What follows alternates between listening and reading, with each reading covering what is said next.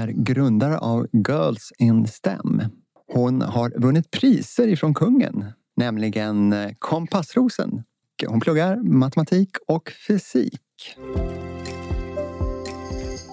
Palla, idag ska vi träffa Eleonora Svanberg. Ja, men det ser jag verkligen fram emot, det här mötet. För Varför? det här är ju en tjej som eh, hon har fått pris ifrån kungen. The King. Ja, ja, för det unga ledarskapet. Och eh, just det att hon inspirerar och försöker få unga tjejer att intressera sig för matte och fysik. Det är ju faktiskt en hjärtefråga dessutom för, för oss på Naturvetarna. Verkligen. Inte bara för dig och mig. Nej. Nej. Och också, Vad, vad ser du framför dig? nej, men jag är jättespänd. Jag har haft ögonen på den här unga kvinnan i eh, snart två år. Så jag har haft koll på henne. Låter ju som en stalker. Nej, men det är inte så jag menar. Men eh, hon är otroligt inspirerande. Och också i det arbetet hon gör tillsammans med de andra grundarna i Girls in STEM. Eh, just för, som du säger, unga eh, tjejer men också icke-binära.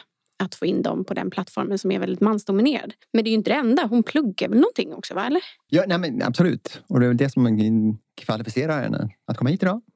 Hon läser ju eh, typiska killämnen kan man säga. Det är de som är av tradition läser de ämnena och det kanske hon också kommer in på. Så därför är det där hon liksom föregår mig själv med gott exempel och är normbrytande kan man säga. Men vad tråkigt ändå att man säger sådär. Att så här, det är, som du sa, det är så här killämnen.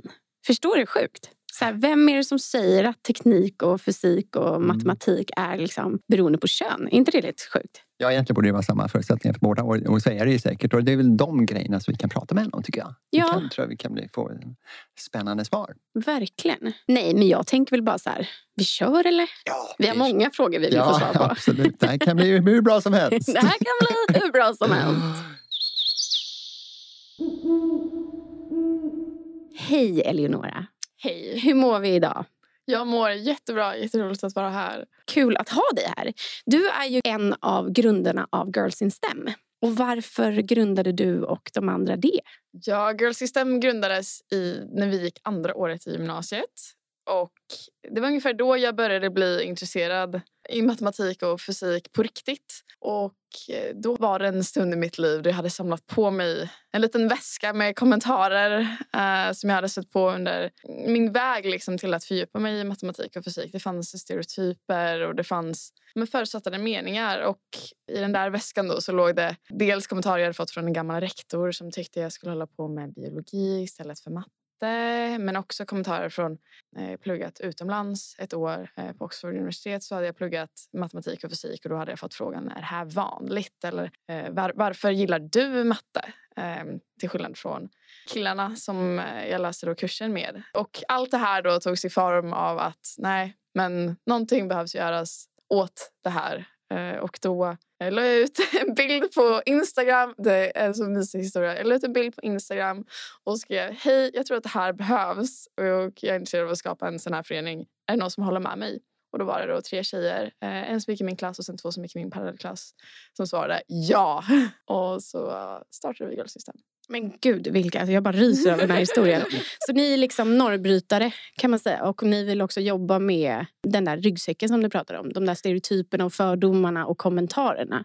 Så det du gjorde egentligen var att du tog alla dåliga kommentarer, dumma kommentarer skulle jag säga, och gjorde någonting med det. Verkligen. Det, och I början kändes det ganska abstrakt och det gör det ju när man är ung och vill, vill påverka. Liksom. Men eh, nu har blivit nästan fem år snart så har det blivit helt fantastiskt. Och det är precis som du säger, vi jobbar med stereotyperna och gör nog främst tre grejer. Om jag Ja, kör det. på. Vi vill höra allt, Ja, berätta, berätta. Eh, vi, det främsta, jag tror man kan liksom bryta ner det till tre, tre grejer. Och Det är främst att lyfta upp relaterbara förebilder. Och sen att hålla stämaktiviteter eller workshops för medlemmarna i föreningar för att visa hur roligt och brett stäm är.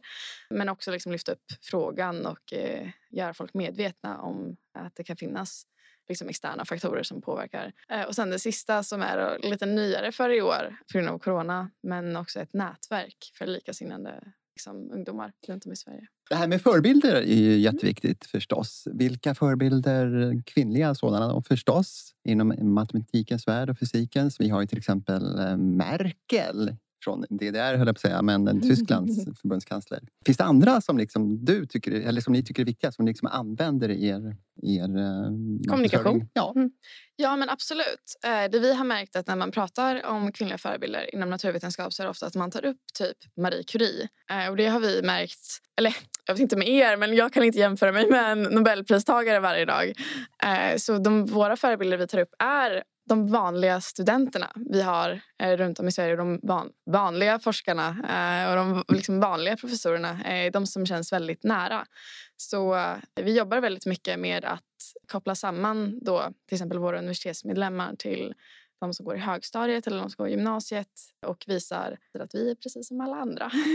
helt enkelt. Och det gör ju verkligen skillnad då. Alltså tänker jag. För då blir det ju istället för Marie Curie eller kvinnan du pratade om. Det är så långt ifrån. Men här kan det bli, alltså det är närmare att se till den förebilden. Jag ska gå samma linje som dig på universitetet. Jag ska bli som dig. Gud vad jag blir inspirerad av Nej, dig. men precis. Det, och de är ju fantastiska förebilder i sig också. Marie Curie är ju en förebild för mig med och eh, för mig har jag typ Emmy Noether är typ en av mina främsta. eh, men här blir det mer liksom som, en, som en kompis som känns väldigt nära. Och speciellt om man kanske inte har föräldrar eller den inspirationen hemifrån eh, så får man nu det via.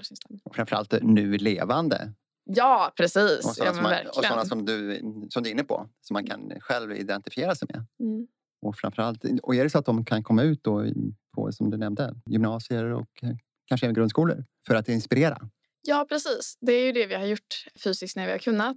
Men nu så tar vi hjälp av sociala medier där vi har dels vår Instagram men sen har också vår kanske största plattform på Discord där en hel server med vad är vi, över 500 stycken. Eh, så det är inte, nu är det liksom inte bara att de, de kan då föreläsa och så eh, utan nu får de chatta med dem på riktigt och ställa frågor och ha videosamtal och sånt eh, och liksom träffas digitalt så att säga. Men om vi ska bara så här bryta ner. STEM. Vad är STEM?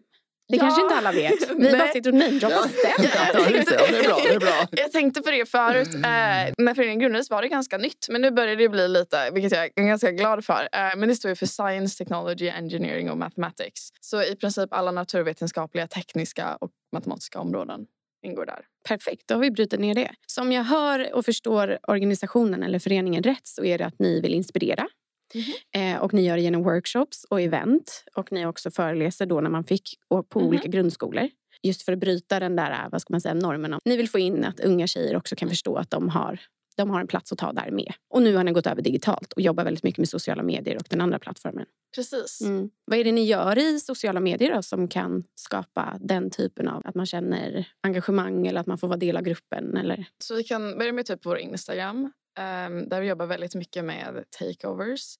Eh, och det är oftast från universitetet och det är när universitetsstudenter får uppdatera om en dag, vad de pluggar eh, men också svara på frågor direkt från våra följare. Och vi jobbar väldigt interaktivt med följare och medlemmar så att vi besvarar frågor och ser till att vi tar upp ämnen som de faktiskt bryr sig om. Um, och det har varit jättepopulärt, speciellt nu inför universitetsvalet så hade vi en kampanj, en ganska stor kampanj där det var från 11 universitet i Sverige tror jag. Och, runt, om, ja, precis, runt om i Sverige så fick de uppdatera under eh, några veckor och då fick man ställa frågor eh, då just för att peppa flera till att söka STEM-utbildningar. Och sen har vi digitala event och då har vi haft två eh, rätt nyligen där en var eh, Powerpoint-kväll rekommenderar jag. Så fick unga fick välja vad de skulle presentera om eh, för stämmigt ämne. Så det var, var väldigt mycket olika saker spännande. Och så fick andra lyssna. Och sen så hade vi förra veckan faktiskt en panel med en doktorand vid SU och sen studenthälsan i Stockholm och diskuterade press och prestationer. Ehm, Så sådana event har vi ju fortfarande. Eh, Och sen har vi då vår fantastiska Discord-server. Men det låter som att ni har eh, mycket på gång här. Ganska bred verksamhet.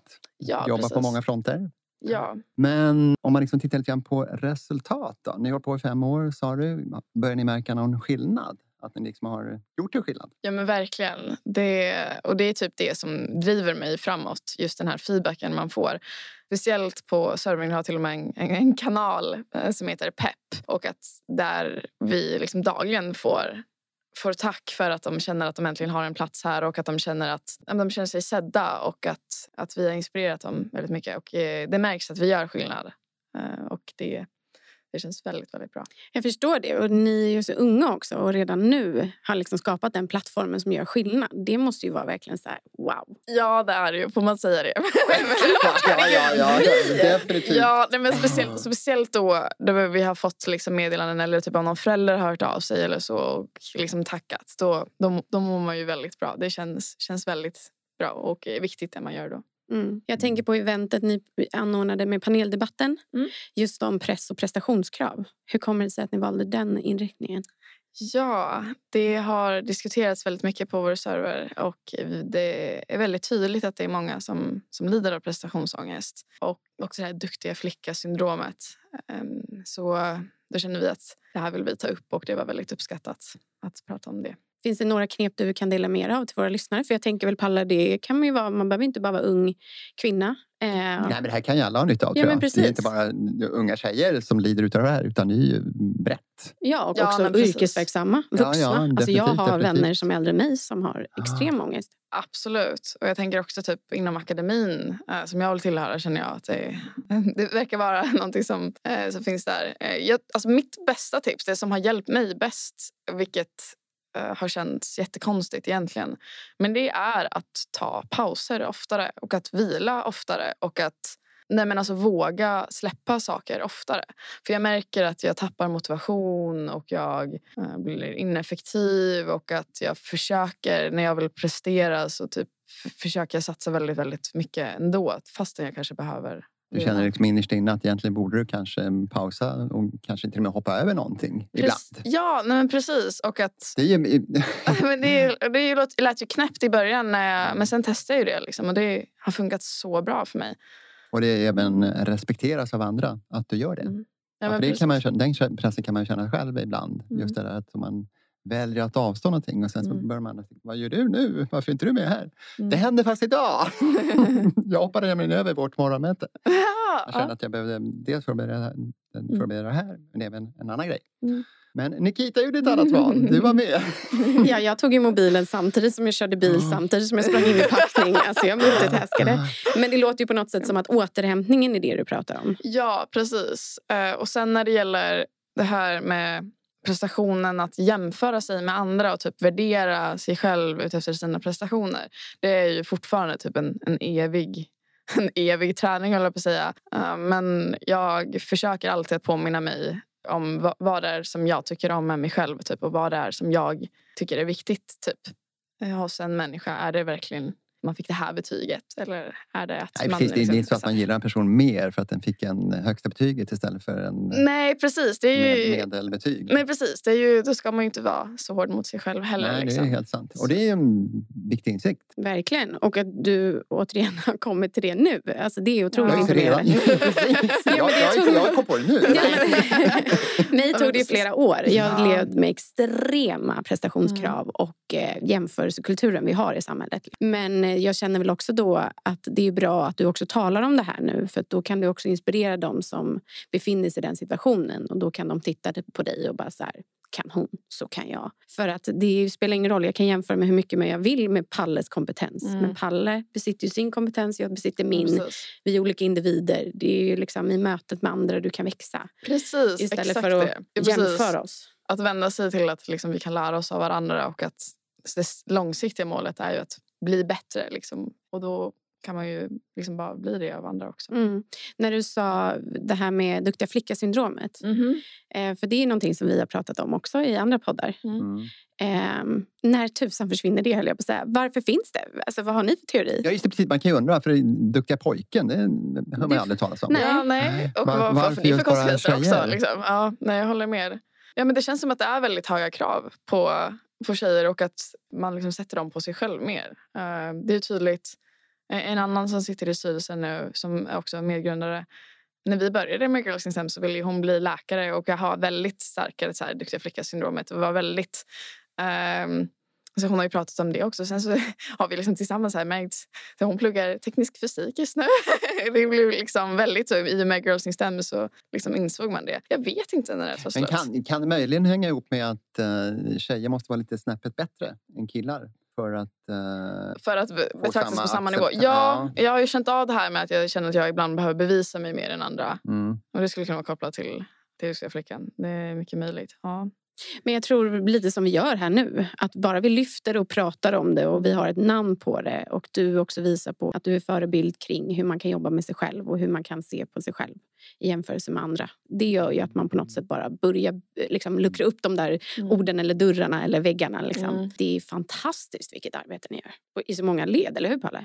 Ja, man blir imponerad tycker jag. Ja. Och framförallt att eh, ni startade när ni var 18 år eller någonting sånt där va? Ni kanske var ännu yngre? 17? 17. Ja. Vilken in- initiativförmåga. Och sen att det fortsätter att växa.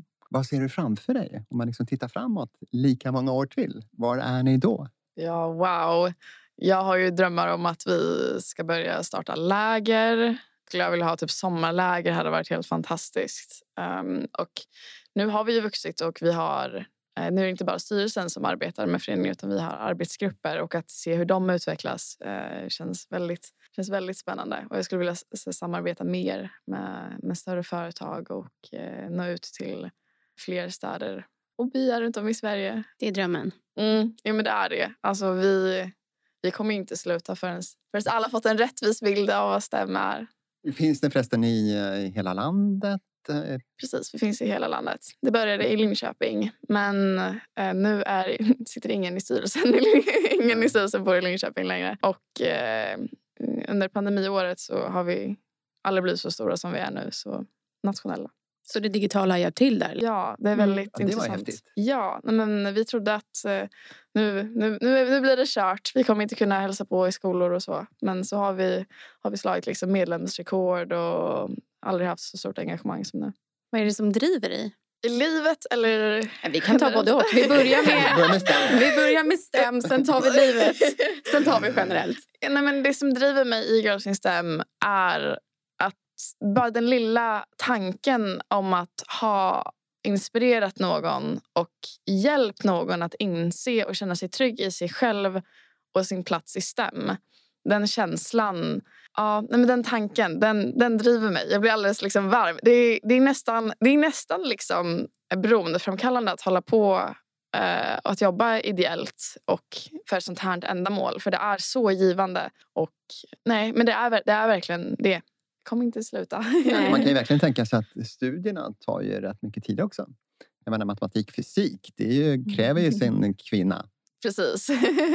ja, men det gör det verkligen. Ehm, och jag tycker, och där har jag liksom andra mål eh, andra saker som driver mig som att jag, jag vill förstå universum och jag skulle vilja lära mig hur det vackra språket matematik. Men allting med mig är inte matte och fysik heller. Så eh, jag är väldigt glad som kan hålla på med Girls STEM utöver studierna. Vad är drömjobbet? Drömjobbet är att forska på typ teoretisk fysik och samtidigt jobba väldigt mycket med eh, jämställdhet. Kanske inom då akademin, men sen också såklart uh, Girls in STEM. Alltså ser vi vår nästa Nobelpristagare? Ja, det låter Alltså, jag ser det. Ja. Och också bara när du pratar om vad som driver dig. Det är så tråkigt att det är en poddform. För vi kan inte, eller lyssnarna kan ju inte se dig. Men det glänser ju i dina ögon. Alltså, det är så vackert att se. Det är fantastiskt. Jag tänkte, precis, du var inne på teoretisk fysik, matematik, extremt abstrakt alltihop egentligen. Ja. Ser du tillämpningen? Du var inne lite grann på rymden. Jag tänker på miljön till exempel. Är det någon fråga som är viktig för dig? Miljön är väldigt viktig för mig jag har varit ideell aktiv inom eh, miljöföreningar innan eh, i gymnasiet.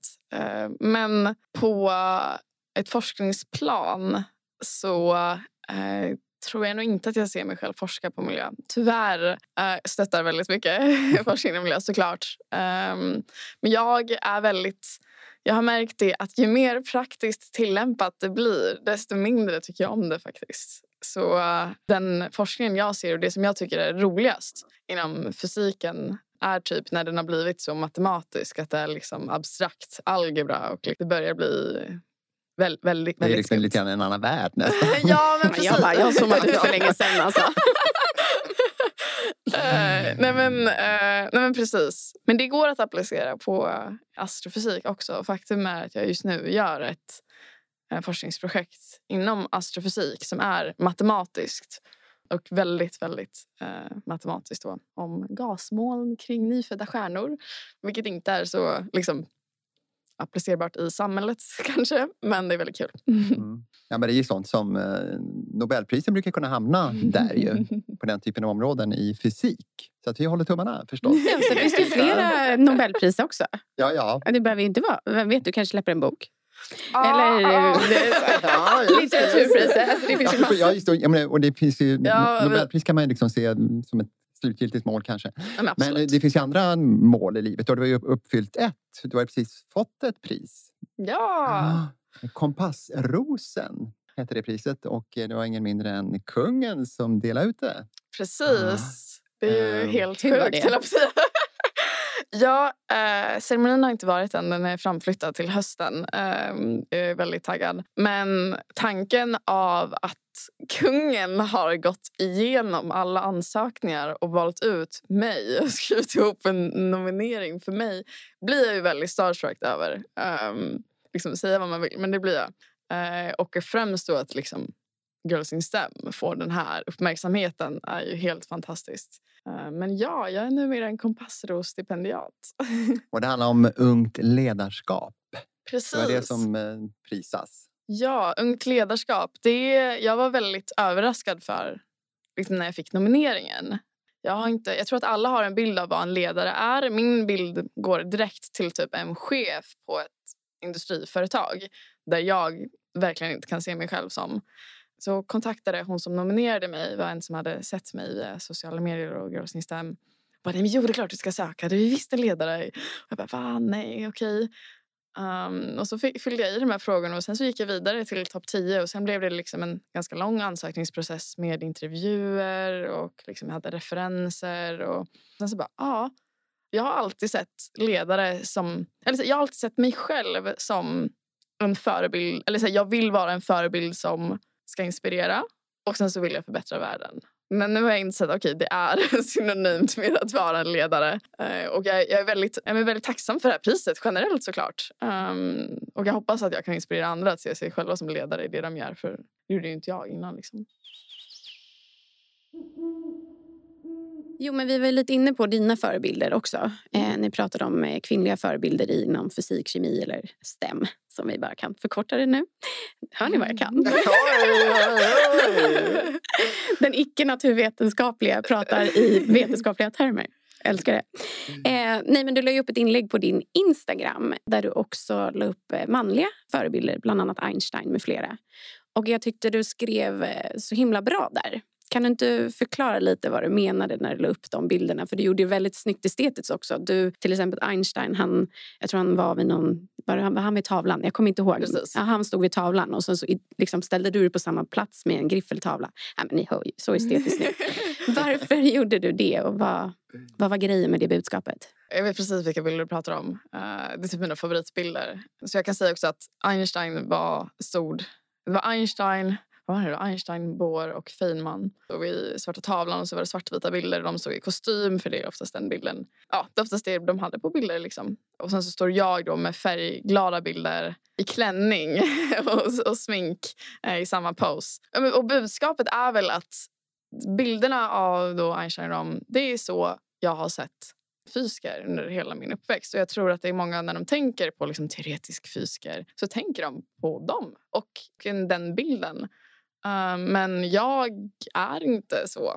Uh, och jag vill bli fysiker. Så då vill jag liksom visa den här andra bilden av fysiker. Att det kan vara väldigt feminin som jag tycker att jag är i, i många stunder. Och att någonting som jag känner att ibland att jag försöker typ gömma just för att passa den stereotypiska manliga fysikerna. Sen är det ju inget, liksom, det är inget fel med att vara liksom manligt av sig heller. Men den feministiska sidan, eller feministisk, den feminina sidan, eh, inte feministiska heller, men den feminina sidan av mig vill jag inte gömma. Är det någonting du behöver slåss med? För du sa också att ibland känner du att du måste äntra en annan kavaj om man säger så. Jo, men det känner jag faktiskt att jag behöver göra. Eh, och det kan ju ligga på mig själv också. Men, men jag går en mansdominerad utbildning och eh, alla runt omkring mig är killar och jag tycker att jag påverkas av det. Och eh, eh, ja, nej men det, det finns ett rum på min institution där det sitter eh, bilder av alla nobelpristagare i fysik. Så det är en bild full av gubbar.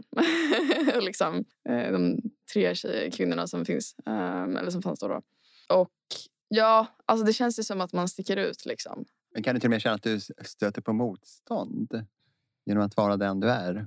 Alltså indirekt så tycker jag att det finns förutsatta meningar som jag fortfarande känner av. Och in, inte alltid, men också för att jag har jobbat så mycket med det här med Girls in STEM och så vidare så märker jag ju när jag är väldigt, väldigt observant. Men det tycker jag absolut. Och det har varit, ja men det, jag har fått lite kommentarer och att jag har blivit behandlad lite olika i vissa sammanhang och beroende på, på situation.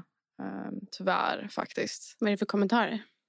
Ja, alltså det har ju varit mycket att jag förväntas... Typ hur man förväntar sig... En klassisk grej som jag har märkt som flera har kunnat relatera till inom föreningen är att när jag ställer en fråga så förväntas jag att inte kunna grunderna. Medan när mina klasskompisar ställer en fråga så förväntas de att de vill fördjupa sig. Mm. Eh, till exempel. Men sen har det också varit närliggande eh, lite underliga kommentarer man, med, med lite så här uh, ja, men lite sexistisk, uh, sexistiska rötter typ, som, som man kanske inte egentligen ska säga. Jag vill inte gå in på i detalj men uh, det finns fortfarande arbete kvar att göra. Ja, man trodde ju på något sätt att vi hade kommit längre än så. Mm. Ja, men alltså vi har kommit väldigt långt. Vi har kommit långt men vi är långt ja. ifrån. Ja, det kanske är så. Vi kanske sammanfattar det väl. Ja, nej, men precis. Nej, men det, är, det är viktigt att säga att vi har kommit väldigt långt. Men mm. ja, Eh, det har varit väldigt många stunder där jag varit tacksam för att ha det här communityt i Girls in STEM. Ja, men det är ju underbart alltså att ni har skapat den föreningen som sagt men också att du är observant och också gör någonting med det. Och ni banar ju vägen för så många andra unga tjejer där ute som kanske bara är fem år idag. Alltså förstår ni, ni sopar ju banan som de sen kommer gå i. Så det är ju fantastiskt.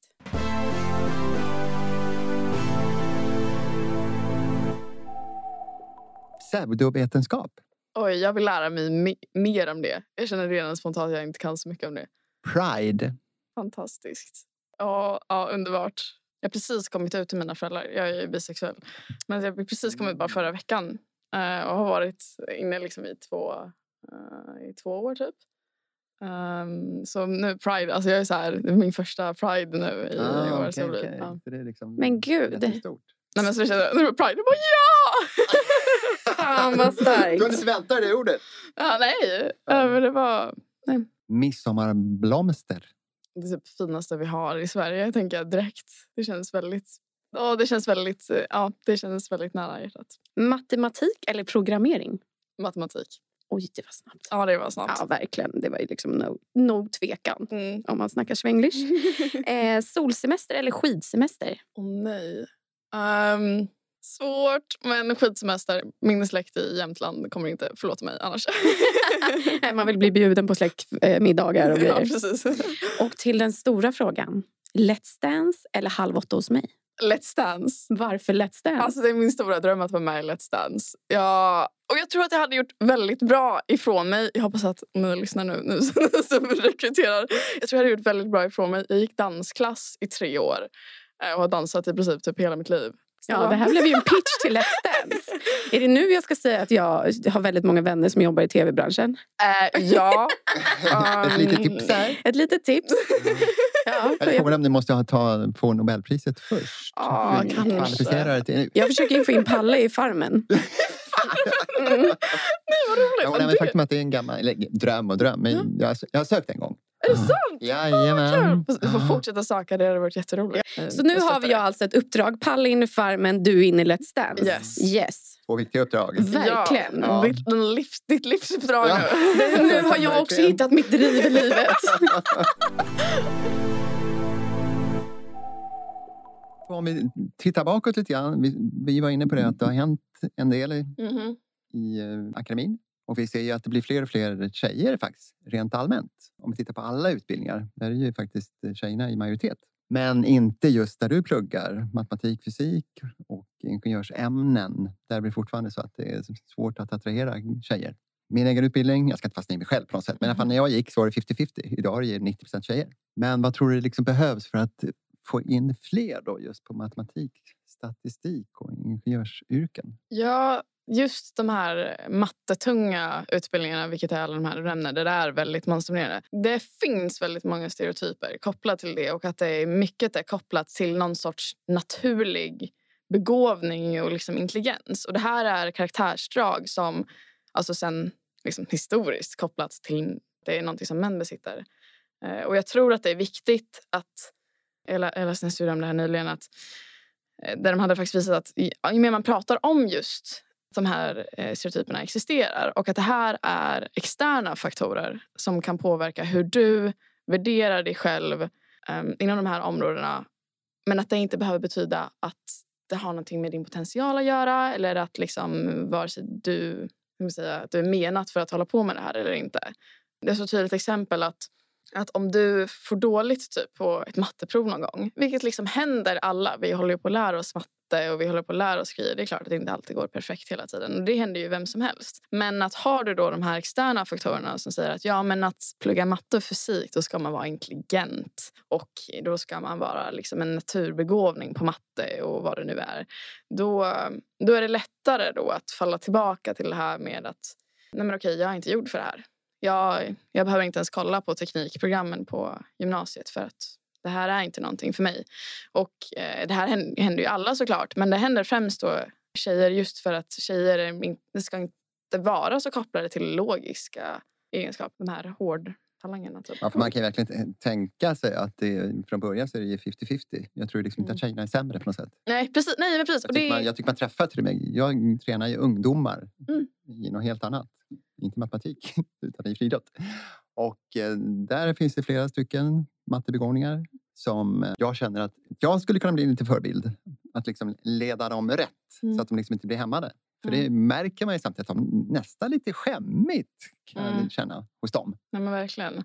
Och det är ju, alltså kollar man så, eh, ska jag veta Skolinspektionen eh, gjorde en jättebra undersökning att liksom, kollar man i årskurs alltså i mellanstadiet så är tjejer och killar liksom ungefär lika teknikintresserade. Men sen händer ju någonting vid högstadiet och, liksom, och att det minskar, eh, det minskar generellt men alltså mycket, mycket mer hos tjejer. Så det här med att liksom tjej, tjejer inte är intresserade från början eller så, det är ju en myt som vi verkligen försöker slå hål på och att det är ett, ett motargument vi brukar få här, typ om men om de var intresserade så skulle de söka. Och det tycker jag är så drygt Eh, och tar inte hänsyn till alla faktorer som spelar roll i hela den här utvecklingen. För att om du hade vuxit upp utan liksom någon stöttning hemifrån och ett samhälle som liksom har jag menar, vetenskapsböcker där det typ främst är män som håller på med matte och att intelligens är ingenting du kan eh, relatera till, då är det klart att du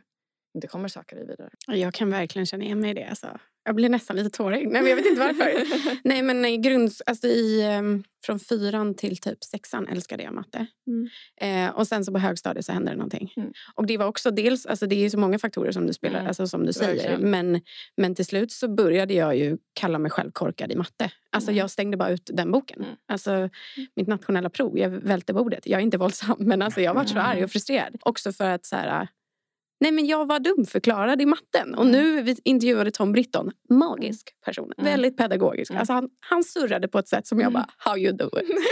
eh, och då kände jag så här, men gud varför hade jag inte dig som lärare? Mm. Vem vet vad man hade gjort då? Nu är jag ju nöjd med att jag har valt kommunikationen och journalistiken. Det är inte det jag säger. Men jag, jag kan verkligen känna igen mig i den där äh, flickan som egentligen kanske hade kunnat ta det steget. Men ja, jag kom liksom inte ur normens box.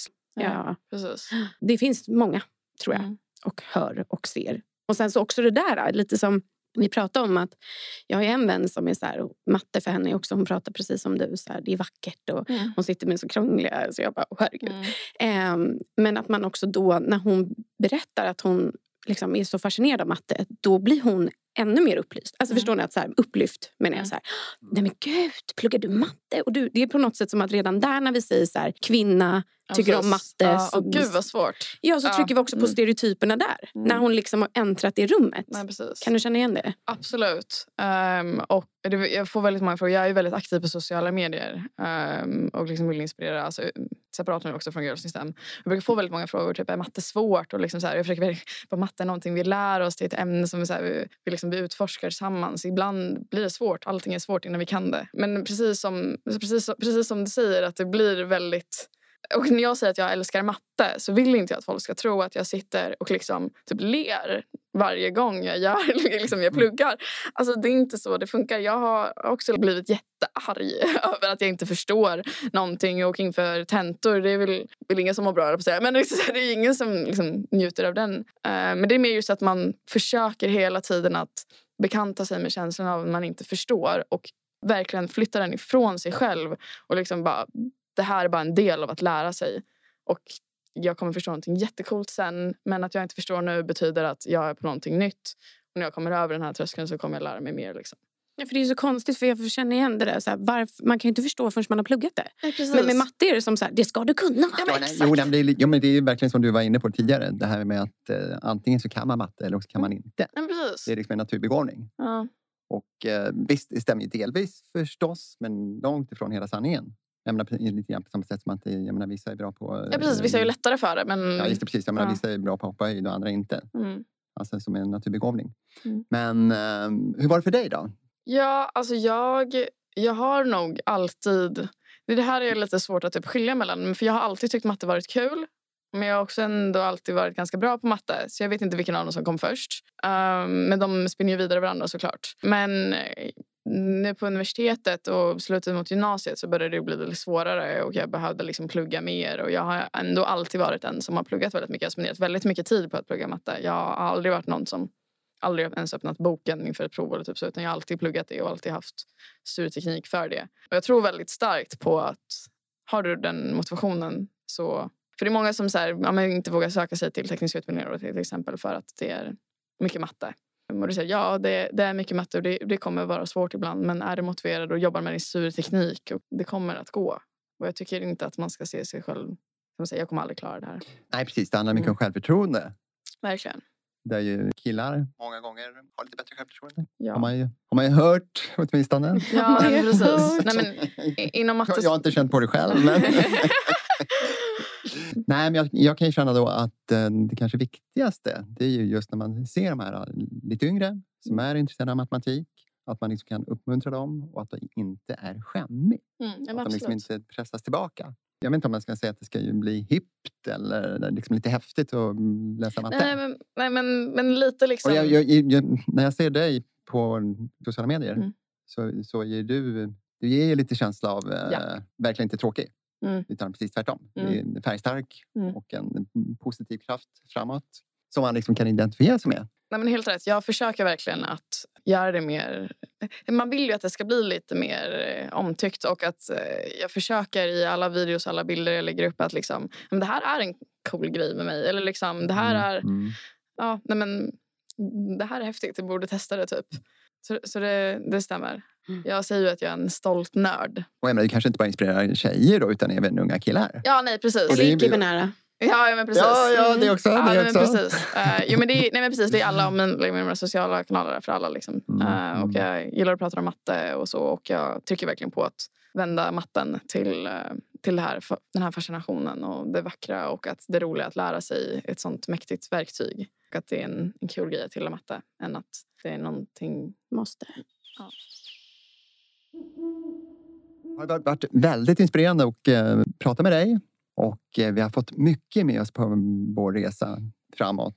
Är det något speciellt som du tar med dig Nikita som du känner liksom att det här gav verkligen dig någonting? Jag kan ju själv känna då att eh, det här med att inspirera, inte bara, egentligen inte bara unga tjejer utan även unga killar. Det tycker jag är viktigt och liksom att göra det lite häftigt.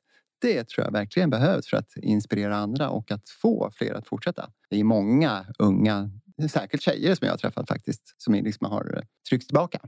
Men här tycker jag man kan få en chans, en möjlighet att eh, låta dem blomma ut matematiskt. Du då Nikita? vackert, gud vad poetiskt Palle. Jag gillar det, jag gillar det. Nej men gud vad tar jag med mig? Jag ser eh, otroligt möte. Alltså wow. Eleonora. Eh, men jag tar också med mig att jag ser ljust på framtiden för att sådana som du finns. Eh, verkligen liksom sopar upp den där banan som jag var inne på för de unga som behövde och behöver och kan komma till att behöva. Så jag ser ljus på framtiden för att det finns såna eldsjälar som dig. Så det tar jag definitivt med mig. Det är nog det största jag tar med mig, eller det mesta jag tar med mig från den här, det här avsnittet. Vad tar du själv med dig? Tack så jättemycket först. Men jag, jag vad tar, vad tar jag med mig? jag bara Let's Dance. Nikita ska ringa Let's Dance. Så det var... Nej men det det, det känns så bra att få prata om, om det här. Ni båda är fantastiska först och främst. Det känns jättebra att prata med er. Men det känns väldigt, känns väldigt bra att prata om det här i, i det här sammanhanget. Och att lyfta upp allt det här. Jag, ehm, jag känner att jag har fått väldigt mycket energi inför tentaplugget nu. Härligt. Wow, ja, men då har vi Bra. lyckats tycker jag. Då har du gjort den här pausen som du pratade om ja. Eh, i dina studier. Ditt tentaplugg fast i poddform. Så det tackar vi för, att vi fick eh, träffa dig och ta del av din kunskap som Palle var inne på. Och lycka till! Vi, vi ser fram emot Nobelpriset, va? Eller flera priser. Palle namedroppar några priser. Let's Dance. Ja, nej, men det, ja, ja. ja, exakt. Det finns, mycket, det finns mycket att plocka hem där på vägen, på vägen till Nobelpriset. Nej, vi ska inte sätta någon press på dig. Apropå det vi pratade om tidigare. Ja. Men vi ser fram emot att följa din resa.